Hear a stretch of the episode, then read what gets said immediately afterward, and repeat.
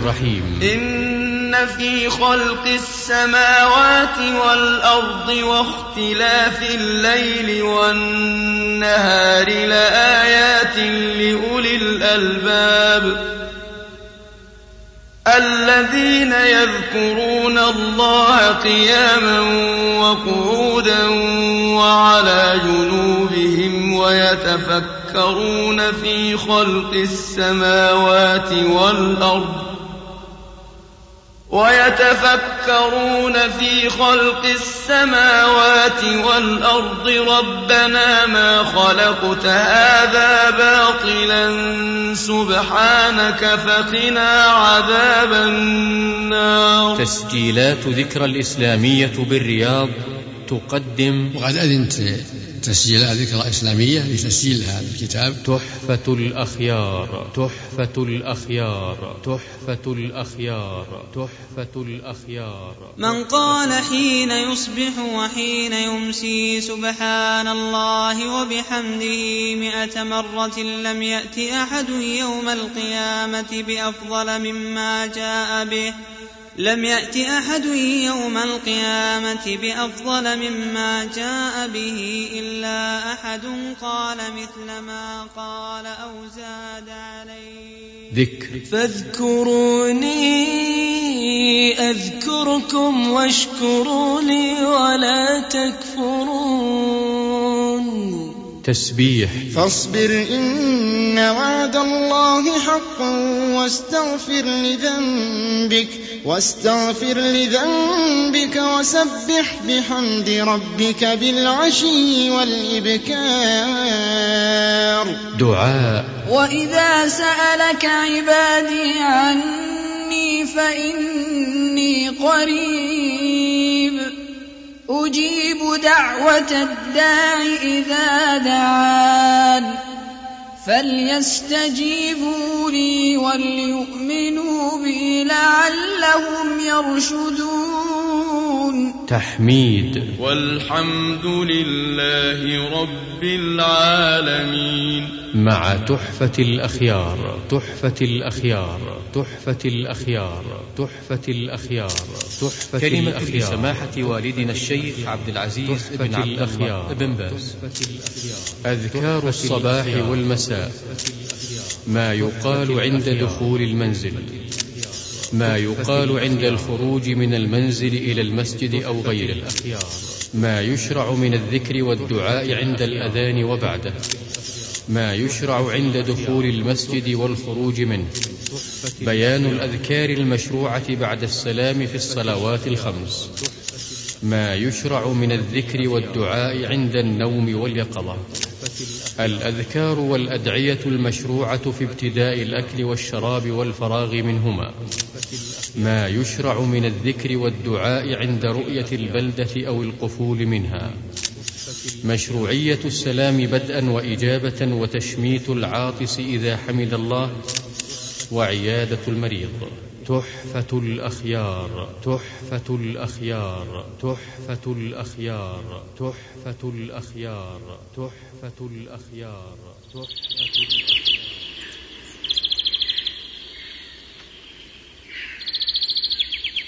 بيان بما ورد في الكتاب والسنة من الأدعية والأذكار.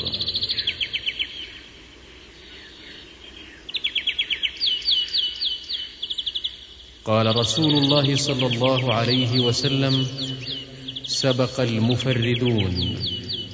قالوا يا رسول الله من المفردون؟ قال الذاكرون الله كثيرا والذاكرات.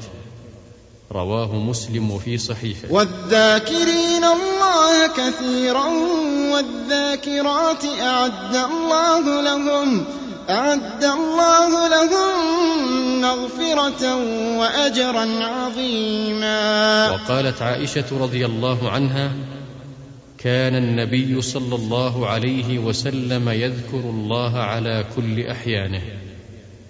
أخرجه مسلم في صحيحه.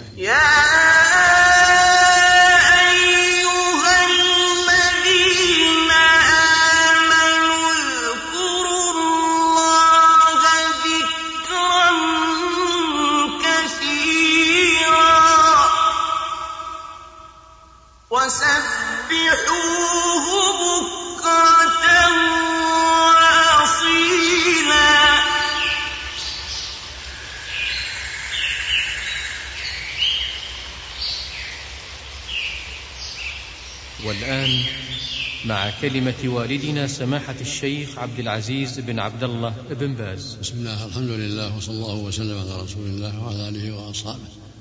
ومن اهتدى به أما بعد فليعلم أن الشيخ محمد ذكر لي أنه سجل كتابي تحفة الأخيار فيما يتعلق بالأدعية والأذكار وقد قوبل ما سجل على الأصل وجد مطابقا وقد أذنت له في وقد أذنت له في نشر هذا الكتاب لما فيه من المنفعة العامة للمسلمين وقد أذنت تسجيل ذكرى إسلامية لتسجيل هذا الكتاب ونشره بين الناس. جزاهم الله خيرا. نسأل الله أن يثيبه على ذلك ونسأل الله أن ينفع بهذا الكتاب وأن ينصر دينه ويعلي كلمته وأن يحسن لنا ولجميع المسلمين العاقبة. إنه سميع قريب وصلى الله وسلم على نبينا محمد وعلى آله وصحبه تحفة الأخيار تحفة الأخيار تحفة الأخيار تحفة الأخيار.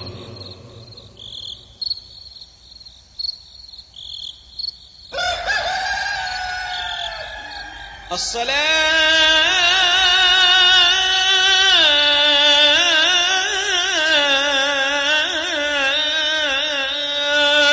خير من النوم. الصلاة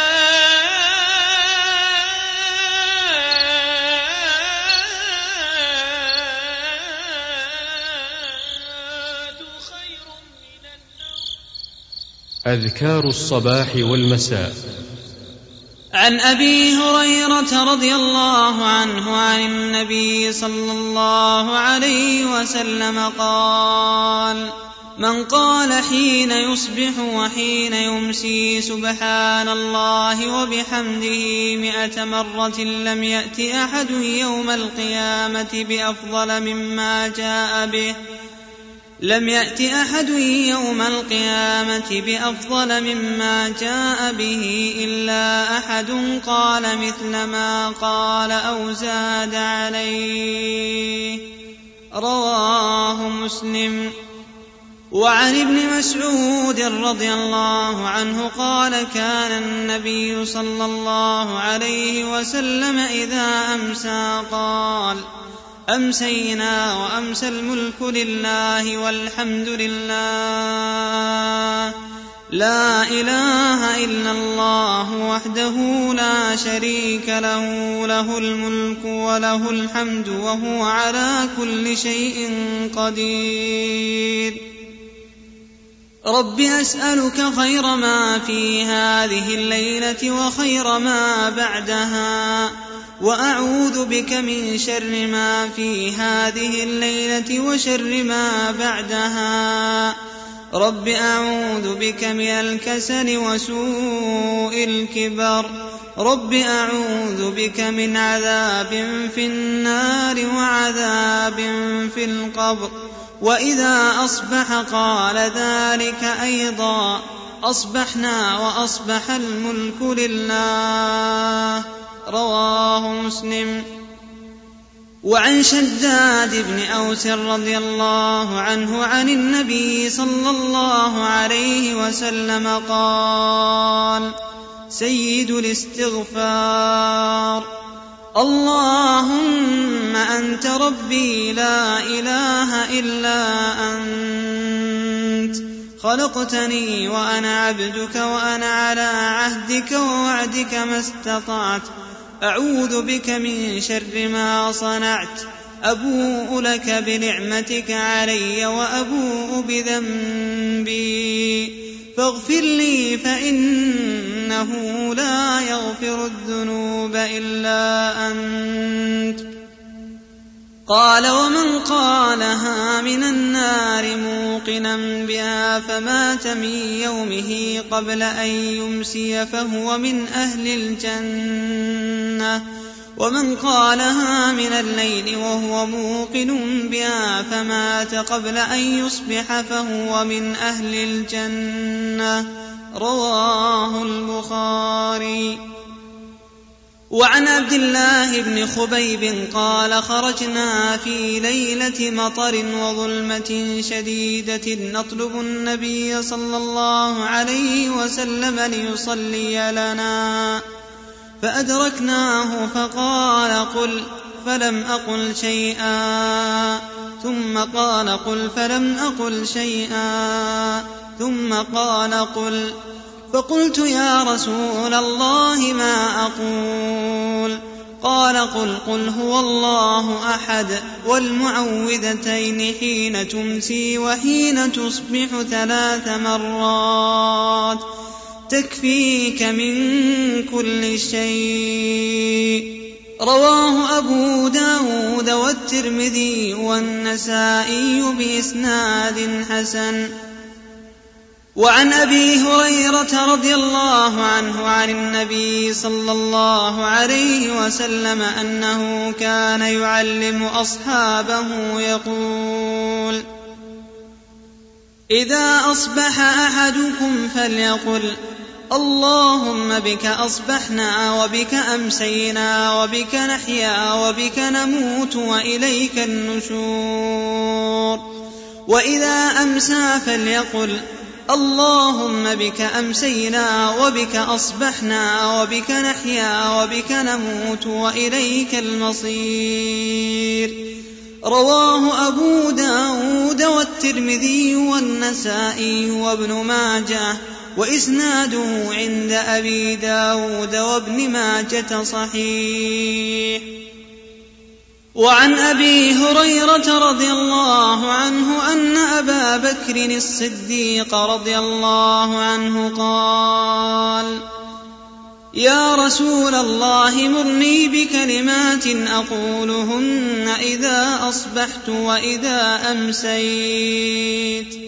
قال قل اللهم فاطر السماوات والأرض عالم الغيب والشهادة رب كل شيء ومليكا أشهد أن لا إله إلا أنت. أعوذ بك من شر نفسي وشر الشيطان وشركه وأن أقترف على نفسي سوءا أو أجره إلى مسلم. قال قلها إذا أصبحت وإذا أمسيت وإذا أخذت مضجعك رواه الإمام أحمد وأبو داود والترمذي والنسائي والبخاري في الأدب المفرد بإسناد صحيح. وهذا لفظ أحمد والبخاري. وعن عثمان بن عفان رضي الله عنه قال قال رسول الله صلى الله عليه وسلم ما من عبد يقول في صباح كل يوم ومساء كل ليلة بسم الله الذي لا يضر مع اسمه شيء في الأرض ولا في السماء وهو السميع العليم ثلاث مرات فيضر شيء. رواه الإمام أحمد والترمذي وابن ماجه وقال الترمذي حسن صحيح وهو كما قال رحمه الله. وعن ثوبان خادم النبي صلى الله عليه وسلم أن رسول الله صلى الله عليه وسلم قال ما من عبد مسلم يقول حين يصبح وحين يمسي ثلاث مرات. رضيت بالله ربا وبالإسلام دينا وبمحمد صلى الله عليه وسلم نبيا. إلا كان حقا على الله أن يرضيه يوم القيامة. رواه الإمام أحمد وأبو داود وابن ماجة بإسناد حسن وهذا لفظ أحمد. ولكنه لم يسم ثوبان. وسماه الترمذي في روايته وأخرجه النسائي في عمل اليوم والليلة بلفظ أحمد. وفي صحيح مسلم عن أبي سعيد الخدري رضي الله عنه أن النبي صلى الله عليه وسلم قال من رضي بالله ربا وبالإسلام دينا وبمحمد نبيا وجبت له الجنة. وروى مسلم في صحيحه أيضا عن العباس بن عبد المطلب رضي الله عنه أن النبي صلى الله عليه وسلم قال ذاق طعم الإيمان من رضي بالله ربا وبالإسلام دينا وبمحمد رسولا. وعن انس رضي الله عنه أن النبي صلى الله عليه وسلم قال من قال حين يصبح أو يمسي اللهم إني أصبحت أشهدك وأشهد حملة عرشك وملائكتك وجميع خلقك بأنك أنت الله بأنك أنت الله. لا إله إلا أنت وحدك لا شريك لك وأن محمدا عبدك ورسولك. أعتق الله ربعه من النار. ومن قالها مرتين أعتق الله نصفه من النار. ومن قالها ثلاثا أعتق الله ثلاثة أرباعه من النار. ومن قالها أربعا أعتقه الله من النار. رواه أبو داود بإسناد حسن ولفظه. من قال حين يصبح اللهم إني أشهدك وأشهد حملة عرشك وملائكتك وجميع خلقك أنك أنت الله لا إله إلا أنت وحدك أنك أنت الله لا إله إلا أنت وحدك لا شريك لك وأن محمدا عبدك ورسولك أعتق الله ربعه ذلك اليوم من النار. فإن قالها أربع مرات أعتقه الله ذلك اليوم من النار. وعن عبد الله بن غنام رضي الله عنه أن رسول الله صلى الله عليه وسلم قال من قال حين يصبح اللهم ما أصبح بي من نعمة أو بأحد من خلقك فمنك وحدك لا شريك لك فلك الحمد ولك الشكر. فقد أدى شكر يومه ومن قال ذلك حين يمسي فقد أدى شكر ليلته. رواه أبو داود والنسائي في عمل اليوم والليلة بإسناد حسن وهذا لفظه لكنه لم يذكر حين يمسي وأخرجه ابن حبان بلفظ النسائي من حديث ابن عباس رضي الله عنهما. وقال عبد الله بن عمر رضي الله عنهما لم يكن النبي صلى الله عليه وسلم يدع هؤلاء الدعوات حين يمسي وحين يصبح. اللهم إني أسألك العافية في الدنيا والآخرة. اللهم إني أسألك العفو والعافية في ديني ودنياي وأهلي ومالي. اللهم استر عوراتي وآمن روعاتي. اللهم احفظني من بين يدي ومن خلفي وعن يميني وعن شمالي ومن فوقي. وأعوذ بعظمتك أن أغتال من تحتي. خرجه الإمام أحمد في المسند وأبو داود والنسائي وابن ماجة وصححه الحاكم.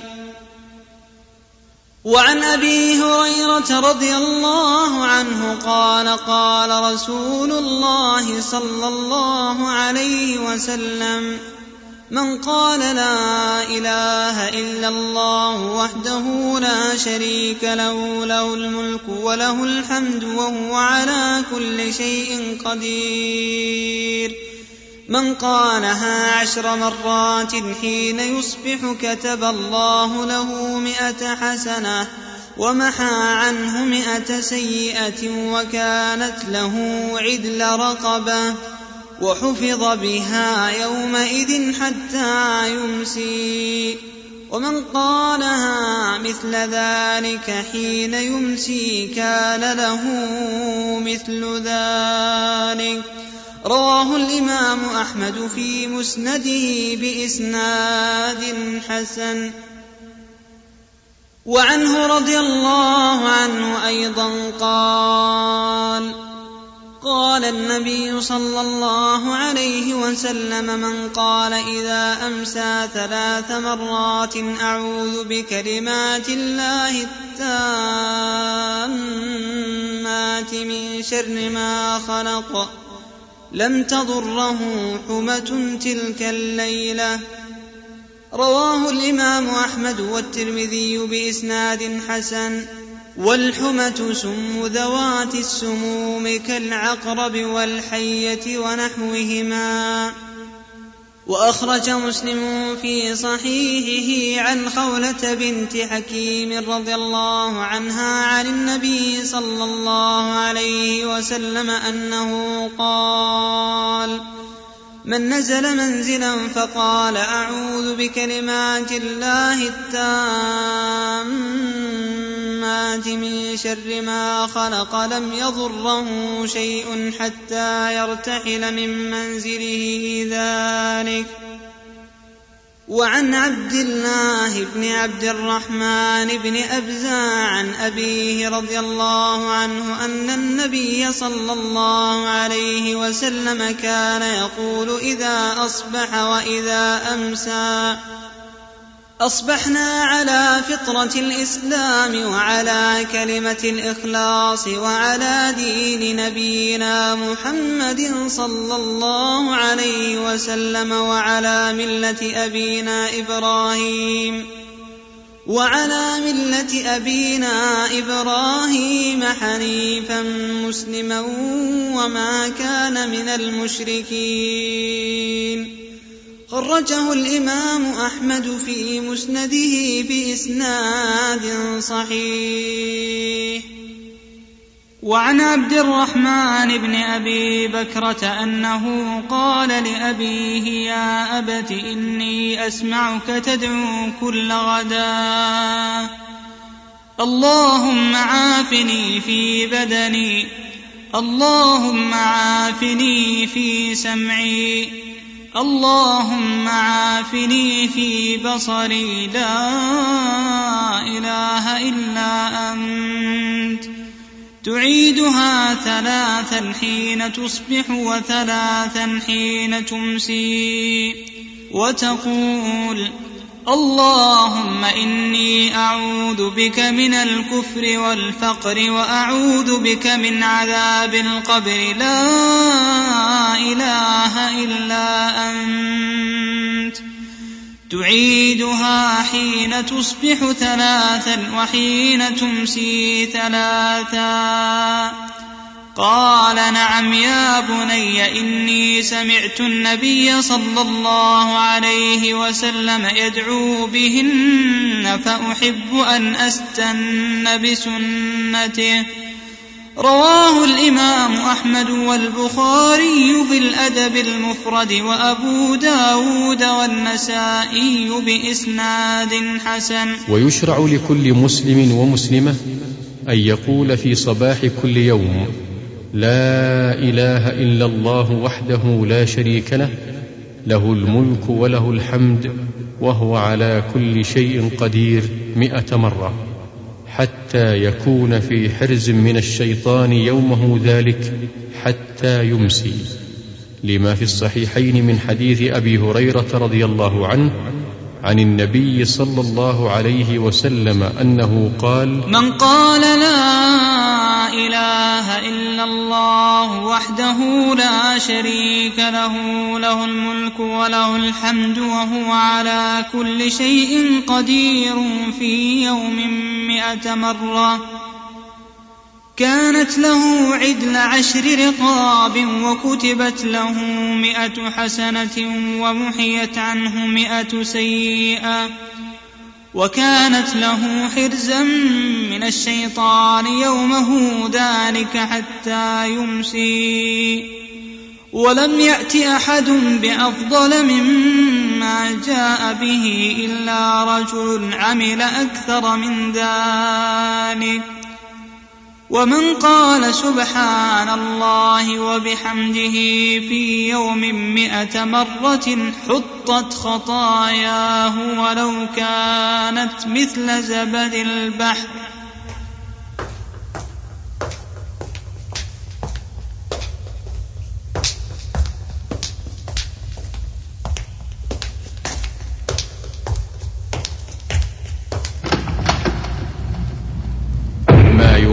عند دخول المنزل. عن جابر بن عبد الله رضي الله عنهما قال سمعت رسول الله صلى الله عليه وسلم يقول إذا دخل الرجل بيته فذكر الله تعالى عند دخوله وعند طعامه. قال الشيطان لا مبيت لكم ولا عشاء. وإذا دخل فلم يذكر الله تعالى عند دخوله قال الشيطان أدركتم المبيت. وإذا لم يذكر الله تعالى عند طعامه قال أدركتم المبيت والعشاء. رواه مسلم. وعن أبي مالك الأشعري رضي الله عنه قال قال رسول الله صلى الله عليه وسلم إذا ولج الرجل بيته فليقل اللهم إني أسألك خير المولج وخير المخرج. بسم الله ولجنا وبسم الله خرجنا. وعلى الله ربنا توكلنا ثم ليسلم على أهله. خرجه أبو داود بإسناد حسن.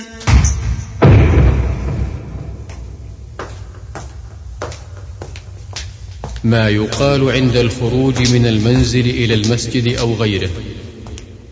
عن أنس بن مالك رضي الله عنه قال قال رسول الله صلى الله عليه وسلم من قال إذا خرج من بيته بسم الله توكلت على الله لا حول ولا قوة إلا بالله. يقال له حينئذ كفيت ووقيت وهديت. وتنحى عنه الشيطان فيقول لشيطان آخر كيف لك برجل قد هدي وكفي ووقي رواه أبو داود والنسائي والترمذي بإسناد حسن. وقالت أم سلمة رضي الله عنها ما خرج رسول الله صلى الله عليه وسلم من بيته قط إلا رفع طرفه إلى السماء وقال اللهم إني أعوذ بك أن أضل أو أضل أو أزل أو أزل أو أظلم أو أظلم أو أجهل أو يجهل علي رواه الإمام أحمد وأبو داود والترمذي وابن ماجه. وهذا لفظ أبي داود وإسناده صحيح. الله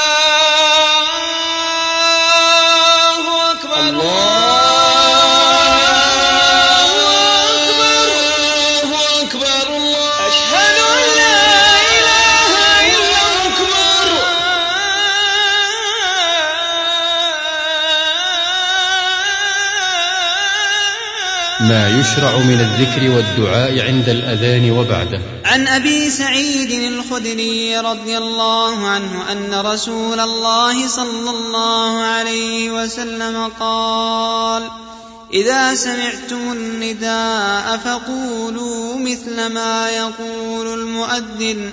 متفق عليه.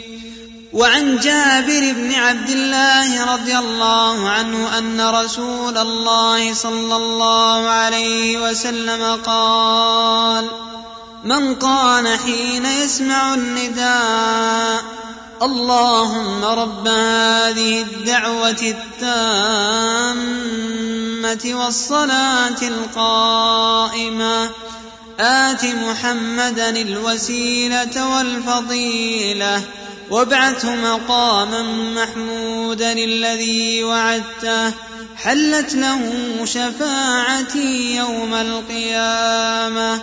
رواه البخاري. وزاد البيهقي في آخره بإسناد حسن إنك لا تخلف الميعاد. وعن سعد بن أبي وقاص رضي الله عنه عن رسول الله صلى الله عليه وسلم قال من قال حين يسمع المؤذن أشهد أن لا إله إلا الله وحده لا شريك له وأن محمدا عبده ورسوله. رضيت بالله ربا وبمحمد رسولا وبالإسلام دينا. غفر له ذنبه رواه مسلم. وعن عمر بن الخطاب رضي الله عنه قال قال رسول الله صلى الله عليه وسلم إذا قال المؤذن الله أكبر الله أكبر فقال أحدكم الله أكبر الله أكبر ثم قال أشهد أن لا إله إلا الله قال أشهد أن لا إله إلا الله ثم قال أشهد أن محمدا رسول الله. قال أشهد أن محمدا رسول الله. ثم قال حي على الصلاة. قال لا حول ولا قوة إلا بالله. ثم قال حي على الفلاح. قال لا حول ولا قوة إلا بالله. ثم قال الله أكبر الله أكبر. قال الله أكبر الله أكبر. ثم قال لا إله إلا الله. قال لا إله إلا الله من قلبه. دخل الجنة. رواه مسلم. وعن عبد الله بن عمرو بن العاص رضي الله عنهما أنه سمع النبي صلى الله عليه وسلم يقول إذا سمعتم المؤذن فقولوا مثل ما يقول ثم صلوا عليه. فإنه من صلى علي صلاة صلى الله عليه بها عشرا. ثم سلوا الله لي الوسيلة فإنها منزلة في الجنة لا تنبغي إلا لعبد من عباد الله. وأرجو أن أكون أناه. فمن سأل الله لي الوسيلة حلت له الشفاعة. رواه مسلم في صحيحه.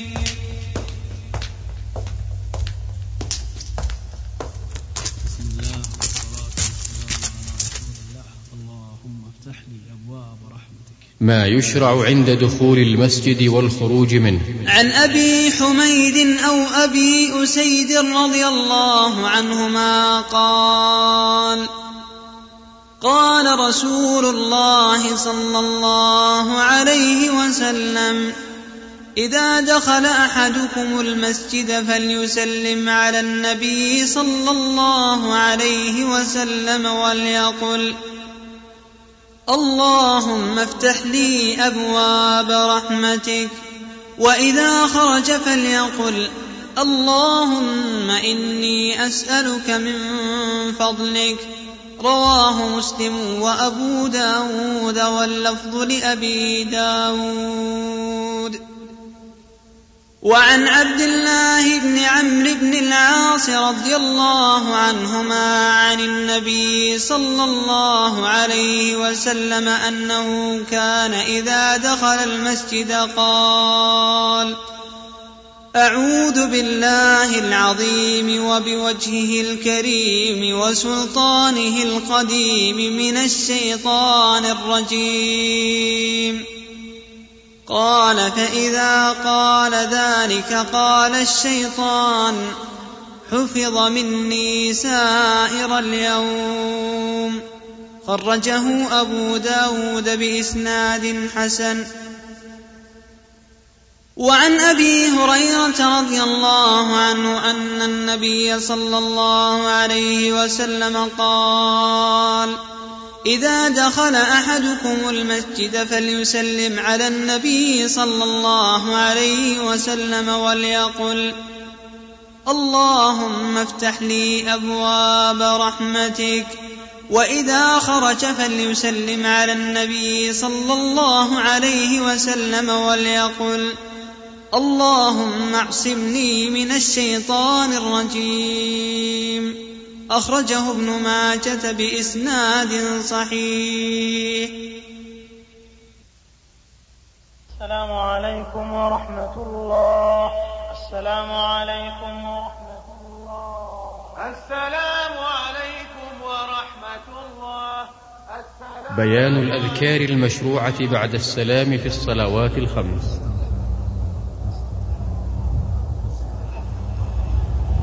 لقد ثبت عن رسول الله صلى الله عليه وسلم أنه كان إذا سلم من صلاة الفريضة استغفر الله ثلاثا. وقال اللهم أنت السلام ومنك السلام. تباركت يا ذا الجلال والإكرام. لا إله إلا الله وحده لا شريك له. له الملك وله الحمد وهو على كل شيء قدير.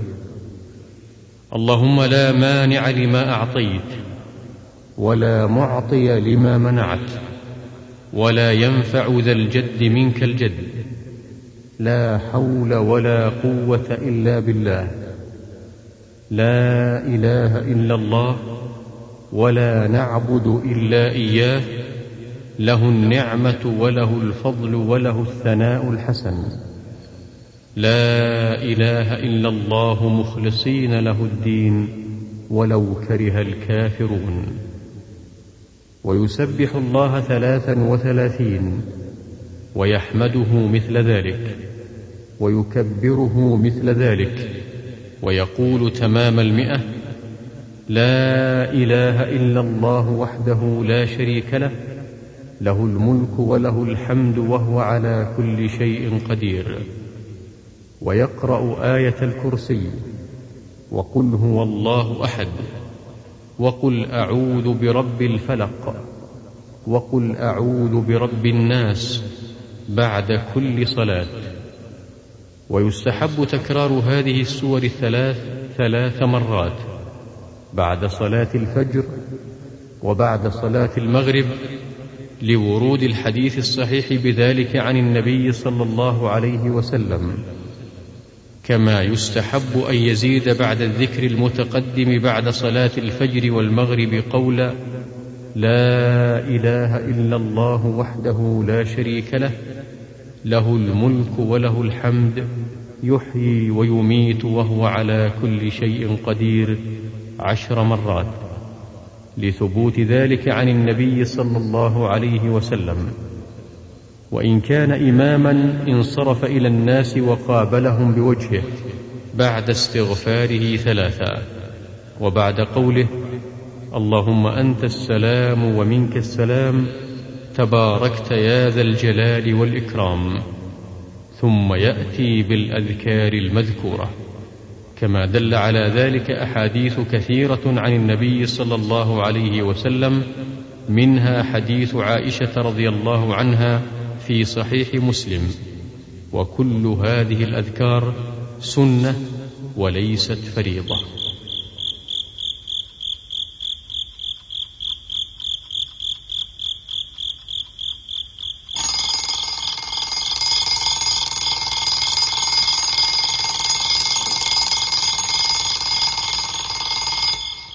ما يشرع من الذكر والدعاء عند النوم واليقظة. عن حذيفة رضي الله عنه قال كان رسول الله صلى الله عليه وسلم إذا أخذ مضجعه من الليل وضع يده تحت خده ثم يقول اللهم باسمك أموت وأحيا. وإذا استيقظ قال الحمد لله الذي أحيانا بعدما أماتنا وإليه النشور. رواه البخاري وأخرج عن أبي ذر رضي الله عنه مثله وأخرج مسلم عن البراء بن عازب رضي الله عنه مثل حديث حذيفة المذكور. وعن عائشة رضي الله عنها أن النبي صلى الله عليه وسلم كان إذا أوى إلى فراشه كل ليلة جمع كفيه ثم نفث فيهما فقرأ فيهما قل هو الله أحد قل أعوذ برب الفلق قل أعوذ برب الناس ثم يمسح بهما ما استطاع من جسده يبدأ بهما على رأسه ووجهه وما أقبل من جسده. يفعل ذلك ثلاث مرات. متفق عليه. وعن أبي هريرة رضي الله عنه أنه أتاه آتي يحثو من الصدقة وكان قد جعله النبي صلى الله عليه وسلم عليها ليلة بعد ليلة. فلما كان في الليلة الثالثة قال لأرفعنك إلى رسول الله صلى الله عليه وسلم. قال دعني أعلمك كلمات ينفعك الله بها. قلت ما هي؟ قال إذا أويت إلى فراشك فاقرأ آية الكرسي. الله لا إله إلا هو الحي القيوم. حتى تختم الآية فإنه لا يزال عليك من الله حافظ ولا يقربنك شيطان حتى تصبح. فقال النبي صلى الله عليه وسلم صدقك وهو كذوب ذاك شيطان. رواه البخاري.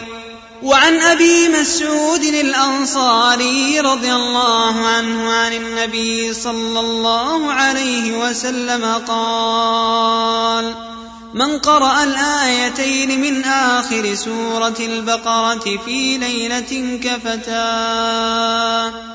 متفق عليه.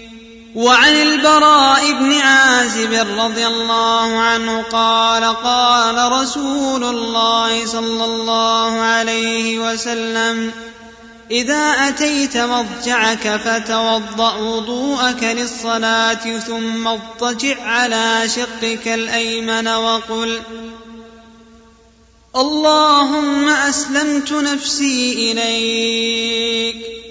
ووجهت وجهي إليك وفوضت أمري إليك وألجأت ظهري إليك رغبة ورهبة إليك لا ملجأ ولا منجأ منك إلا إليك آمنت بكتابك الذي أنزلت ونبيك الذي أرسلت فإن مت من ليلتك مت على الفطرة واجعلهن آخر ما تقول.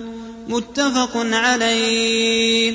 وفي رواية لمسلم رحمه الله واجعلهن من آخر كلامك. وعن أبي هريرة رضي الله عنه عن النبي صلى الله عليه وسلم أنه كان يقول إذا أوى إلى فراشه اللهم رب السماوات ورب الأرض ورب العرش العظيم. ربنا ورب كل شيء فالق الحب والنوى ومنزل التوراة والإنجيل والفرقان. أعوذ بك من شر كل شيء أنت آخذ بناصيته. اللهم أنت الأول فليس قبلك شيء وأنت الآخر فليس بعدك شيء. وأنت الظاهر فليس فوقك شيء وأنت الباطن فليس دونك شيء. اقض عنا الدين وأغننا من الفقر. رواه مسلم. وعن حفصة أم المؤمنين رضي الله عنها أن النبي صلى الله عليه وسلم كان إذا أراد أن يرقد وضع يده اليمنى تحت خده الأيمن ثم يقول اللهم قني عذابك يوم تبعث عبادك ثلاث مرات. رواه الإمام أحمد وأبو داود بإسناد حسن. وعن أنس رضي الله عنه أن النبي صلى الله عليه وسلم كان إذا أوى إلى فراشه قال الحمد لله الذي أطعمنا وسقانا وكفانا وآوانا. فكم ممن لا كافي له ولا مؤوي. خرجه مسلم. وعن ابن عمر رضي الله عنهما أنه أمر رجلا إذا أخذ مضجعه أن يقول اللهم خلقت نفسي وأنت تتوفاها. لك مماتها ومحياها. إن أحييتها فاحفظها وإن أمتها فاغفر لها. اللهم إني أسألك العافية. قال ابن عمر سمعته من رسول الله صلى الله عليه وسلم. خرجه مسلم. وعن أبي هريرة رضي الله عنه أن رسول الله صلى الله عليه وسلم قال إذا أوى أحدكم إلى فراشه فليأخذ داخلة إزاره فلينفض بها فراشه وليسم الله. وليسم الله فإنه لا يعلم ما خلفه بعده على فراشه. فإذا أراد أن يضطجع فليضطجع على شقه الأيمن وليقل سبحانك اللهم ربي بك وضعت جنبي وبك أرفعه. إن أمسكت نفسي فارحمها وإن أرسلتها فاحفظها بما تحفظ به عبادك الصالحين. متفق عليه واللفظ لمسلم. وعن علي رضي الله عنه أن فاطمة رضي الله عنها أتت النبي صلى الله عليه وسلم تسأله خادما فلم تجده. ووجدت عائشة رضي الله عنها فأخبرتها. قال علي فجاءنا النبي صلى الله عليه وسلم وقد أخذنا مضاجعنا فقال ألا أدلكما على ما هو خير لكما من خادم؟ إذا أويتما إلى فراشكما فسبحا ثلاثا وثلاثين واحمدا ثلاثا وثلاثين وكبرا أربعا وثلاثين فإنه خير لكما من خادم. قال علي فما تركتهن منذ سمعتهن من رسول الله صلى الله عليه وسلم متفق عليه. وعن عباده بن الصامت رضي الله عنه عن النبي صلى الله عليه وسلم قال من تعار من الليل فقال لا إله إلا الله وحده لا شريك له له الملك وله الحمد وهو على كل شيء قدير. الحمد لله وسبحان الله ولا إله إلا الله والله أكبر ولا حول ولا قوة إلا بالله. ثم قال اللهم اغفر لي أو دعا استجيب له فإن توضأ وصلى قبلت صلاته. رواه البخاري. ومعنى قوله من تعار أي استيقظ. الأذكار والأدعية المشروعة في ابتداء الأكل والشراب والفراغ منهما. عن عمر بن أبي سلمة رضي الله عنهما قال قال لي رسول الله صلى الله عليه وسلم يا غلام سم الله وكل بيمينك وكل مما يليك متفق عليه. وعن عائشة رضي الله عنها قالت قال رسول الله صلى الله عليه وسلم إذا أكل أحدكم فليذكر اسم الله تعالى في أوله فإن نسي أن يذكر الله تعالى في أوله فليقل بسم الله أوله وآخره. رواه أبو داود والنسائي والترمذي وقال حسن صحيح وصححه الحاكم وأقره الذهبي.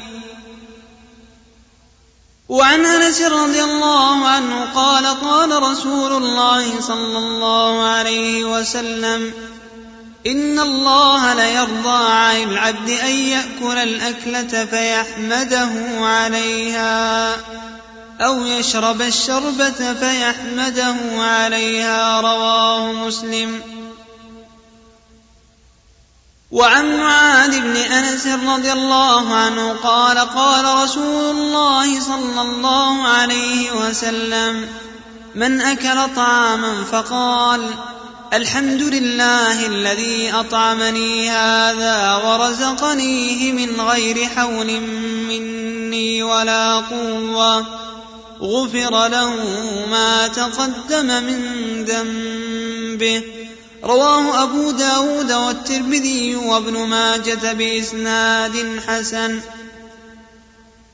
وعن أبي أمامة رضي الله عنه أن النبي صلى الله عليه وسلم كان إذا فرغ من طعامه قال الحمد لله حمدا كثيرا طيبا مباركا فيه.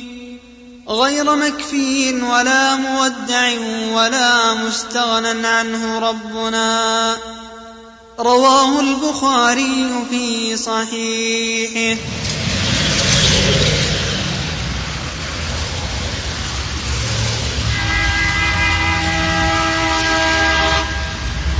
ما يشرع من الذكر والدعاء عند رؤية البلدة أو القفول منها. عن صهيب رضي الله عنه أن النبي صلى الله عليه وسلم لم ير قرية يريد دخولها إلا قال حين يراها اللهم رب السماوات السبع وما أضلل ورب الأرضين السبع وما أقلل ورب الشياطين وما أضلل ورب الرياح وما ذرين. أسألك خير هذه القرية وخير أهلها وخير ما فيها وأعوذ بك من شرها وشر أهلها وشر ما فيها. رواه النسائي بإسناد حسن. وعن انس رضي الله عنه قال اقبلنا مع النبي صلى الله عليه وسلم حتى اذا كنا بظهر المدينة قال آيبون تائبون عابدون لربنا حامدون فلم يزل يقول ذلك حتى قدمنا المدينة رواه مسلم.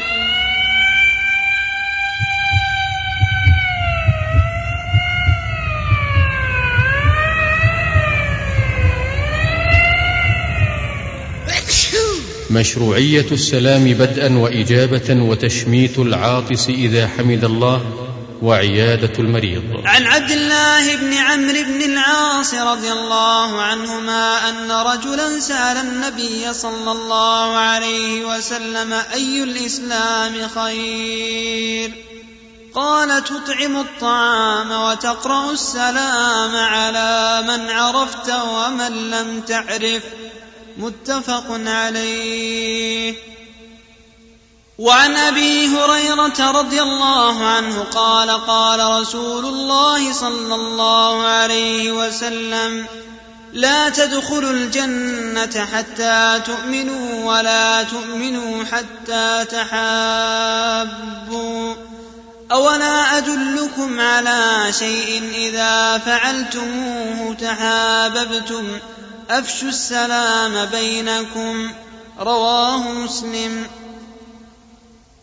وعن أبي هريرة رضي الله عنه أن النبي صلى الله عليه وسلم قال خمس تجب للمسلم على اخيه رد السلام وتشميت العاطس وإجابة الدعوة وعيادة المريض واتباع الجنائز متفق عليه.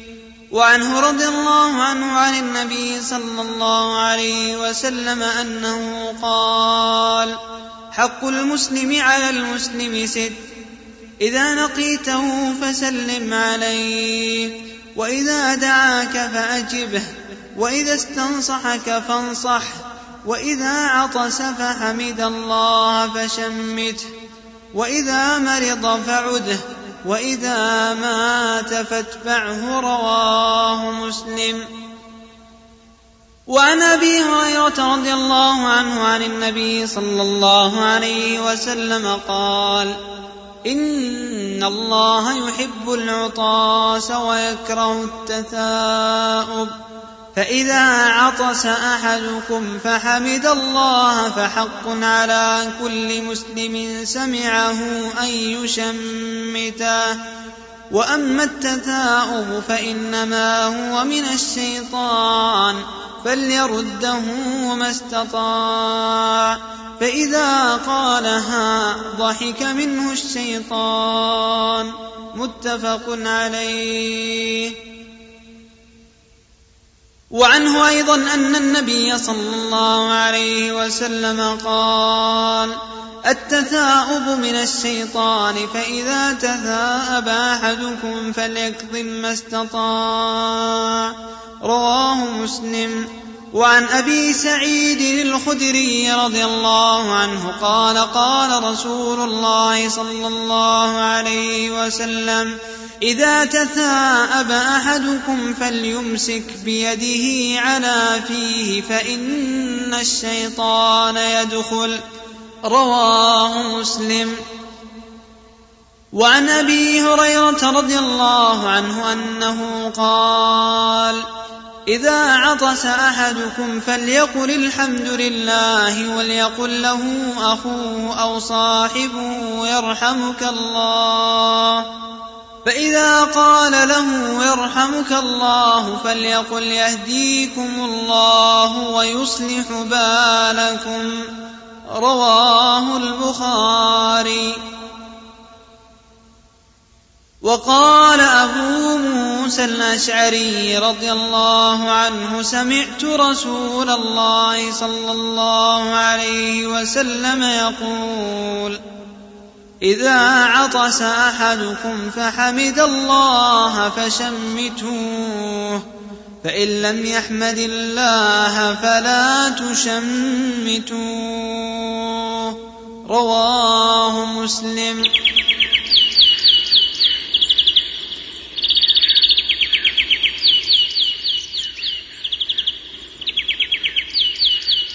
ولنختم هذه الرسالة بما ورد في النصيحة لمسيس الحاجة إلى ذلك.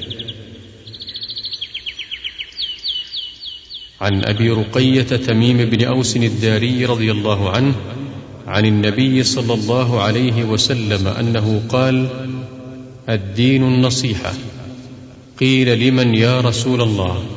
قال لله ولكتابه ولرسوله ولأئمة المسلمين وعامتهم. رواه مسلم في صحيحه. وعن جرير بن عبد الله البجلي رضي الله عنه قال بايعت رسول الله صلى الله عليه وسلم على إقام الصلاة وإيتاء الزكاة والنصح لكل مسلم. رواه البخاري ومسلم في الصحيحين. وعن أنس بن مالك رضي الله عنه عن النبي صلى الله عليه وسلم أنه قال لا يؤمن أحدكم حتى يحب لأخيه ما يحب لنفسه. متفق عليه. وعن أبي مسعود الأنصاري رضي الله عنه عن النبي صلى الله عليه وسلم أنه قال من دل على خير فله مثل أجر فاعله. رواه مسلم في صحيحه. وهذا ما تيسر جمعه ونسأل الله أن ينفع به عباده إنه سميع قريب. والحمد لله رب العالمين وصلى الله وسلم على نبينا محمد وعلى آله وأصحابه ومن تبعهم بإحسان إلى يوم الدين. سبحانك اللهم وبحمدك نشهد أن لا إله إلا أنت نستغفرك ونتوب إليك. فإليك أسدى الباز خير هدية طوق البهاء وتحفة الأخيار. فإليك أسدى وبعد أخي الكريم إن هذا العمل بشري غير سالم من القصور. فإن أصبنا فمن الله وإن أخطأنا فمن أنفسنا والشيطان. ونستودعكم الله على أمل اللقاء بكم في إصدارنا القادم بإذن الله تعالى. كما يسرنا أن نستقبل اقتراحاتكم ومشاركاتكم على العنوان التالي. المملكة العربية السعودية الرياض أحد عشر ألفا وسبعمائة وخمسة وأربعون صندوق البريد مئة وخمسون أربعمائة وخمسة وعشرون. تم التسجيل والمونتاج باستديوهات تسجيلات ذكرى الإسلامية هندسة الصوت أبو عبد الملك. مع تحيات إخوانكم في تسجيلات ذكرى الإسلامية بالرياض. شارع أنس بن مالك مقابل سوق الرياض الدولي هاتف وفاكس. أربعة اثنان خمسة ثلاثة سبعة اثنان واحد. والسلام عليكم ورحمة الله وبركاته. أترع كؤوسك بالنمير الجاري واهنأ بفيض يا رعاك الباري أترع كؤوسك بالنمير الجاري واهنأ بفيض يا رعاك الباري. وإذا تروم سعادة أبدية فالهج بذكر الواحد القهار. وإذا تروم سعادة أبدية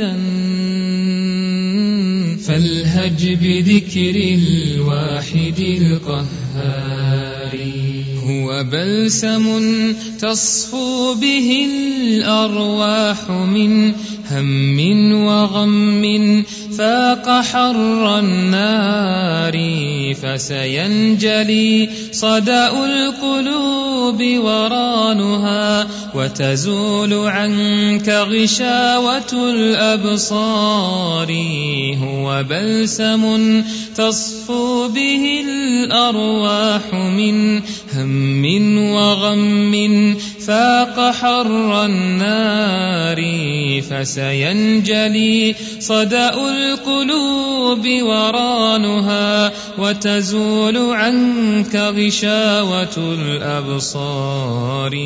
أترع كؤوسك بالنمير الجاري واهنأ بفيض يا رعاك الباري. وإذا تروم سعادة أبدية فالهج بذكر الواحد القهار. هو بلسم تصفو به الأرواح من هم وغم فاق حر النار فسينجلي صدأ القلوب ورانها وتزول عنك غشاوة الأبصار. ويشع من عينيك ويشع من عينيك نور ساطع. قد فاق ضوء الشمس والأقمار. هو بهجة الحيران هو بهجة الحيران طب فؤاده. هو رونق الآصال والأسحار. فانبذ وراءك كل صوت ناعق وحذار من لهو الحديث حذار. هو رقية الشيطان نفث سمومه وبه البلاء وظلمة الأغوار. فإليك فإليك أسدى الباز خير هدية. طوق البهاء وتحفة الأخيار. أترع كؤوسك بالنمير الجاري واهنأ بفيض يا رعاك الباري أترع كؤوسك بالنمير الجاري واهنأ بفيض يا رعاك الباري وإذا تروم سعادة أبدية فالهج بذكر الواحد القهار.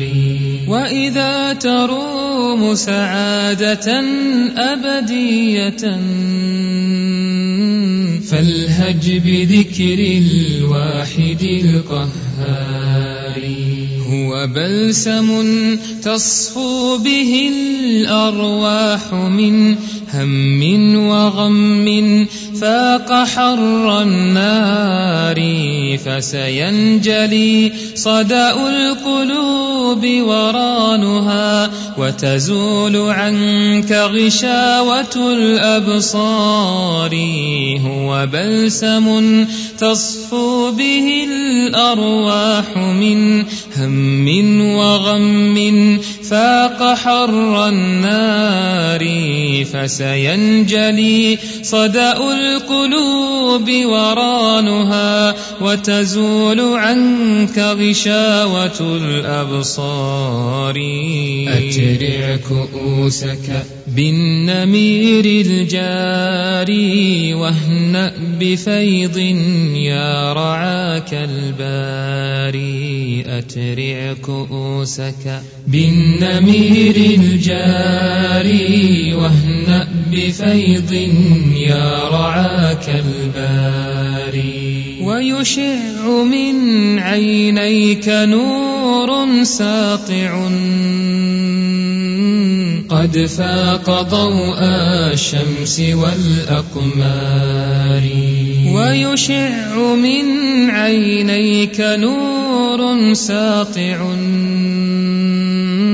قد فاق ضوء الشمس والأقمار. هو بهجة الحيران طب. فؤاده هو رونق الآصال والأسحار هو بهجة الحيران طب فؤاده هو رونق الآصال والأسحار.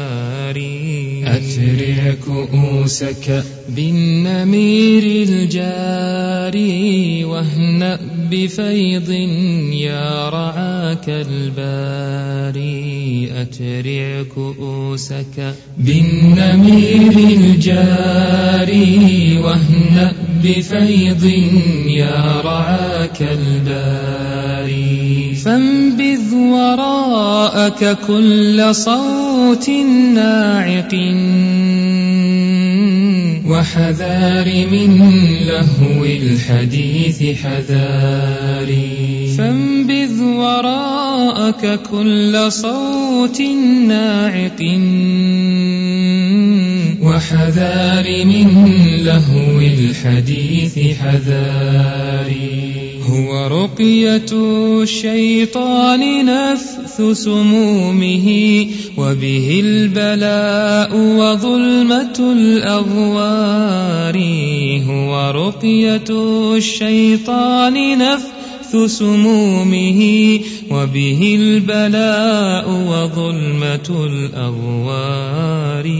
أترع كؤوسك بالنمير الجاري واهنأ بفيض يا رعاك الباري أترع كؤوسك بالنمير الجاري واهنأ بفيض يا رعاك الباري.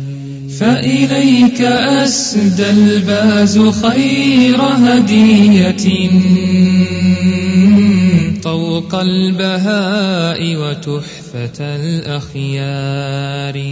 فإليك أسدى الباز خير هدية. طوق البهاء وتحفة الأخيار.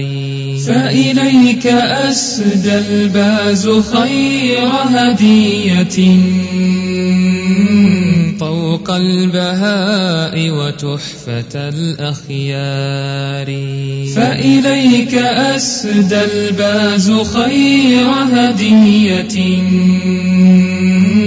طوق البهاء وتحفة الأخيار. فإليك أسدى الباز خير هدية.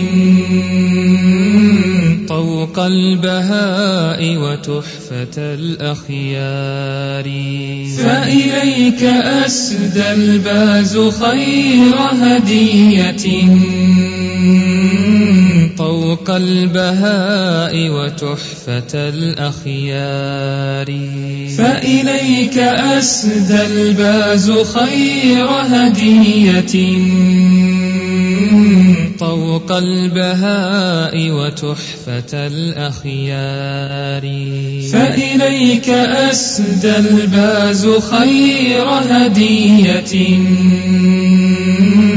طوق البهاء وتحفة الأخيار. طوق البهاء وتحفة الأخيار. طوق البهاء وتحفة الأخيار. طوق البهاء وتحفة الأخيار.